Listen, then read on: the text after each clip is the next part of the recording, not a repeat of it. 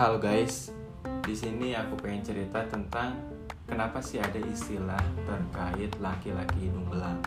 Nah, ini pun tidak terlepas dari cerita sejarah yang pernah berkaitan dengan zaman dulu pas zaman kerajaan Hindia Belanda.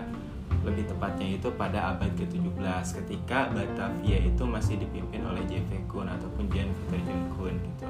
Nah, pada saat itu tuh ada suatu skandal yang emang benar-benar itu tuh menjadi sebuah cinta terlarang kayak gitu antara anak angkatnya JV Kun yang bernama Spek dan juga prajurit muda yang bernama Peter gitu.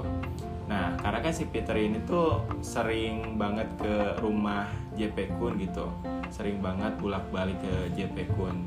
Nah, di suatu waktu JP Kun itu jatuh cinta kepada Sarah Spek dan sehingga terjalinlah sebuah hubungan asmara karena kan itu tuh beda kasta ya beda kasta ketika zaman dulu tuh kental banget lah terkait perbedaan kasta terutama di di suatu pemerintahan kerajaan India Belanda saat menempati wilayah Nusantara kayak gitu. Nah ketahuan lah sama si JP Kun kayak gitu. Nah lalu si Sarah Spek sama si Peter ini dijatuhi hukuman si Spek ini dijatuhi hukuman cambuk kayak gitu sedangkan si Peter ini dijatuhi hukuman hmm, di dijatuhi hukuman mati kayak gitu dipancung lah kayak gitu nah kemudian si Peter ini ketika mau dipancung ketika mau pelaksanaan eksekusi ini sebelumnya itu sama si JP Kun itu dicoret dulu hidungnya pakai arang.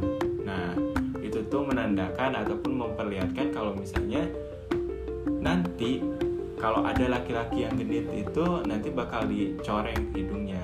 Dan kelihatan kan di kalau misalnya udah dicoreng pakai arang itu kan bakal kelihatan belang kayak gitu nah itulah awal mula istilah kenapa ada penyebutan untuk laki-laki yang berhidung belang untuk yang laki-laki yang emang genit gitu ke cewek-cewek kayak gitu Oke, cukup sekian. Terima kasih, Alsir.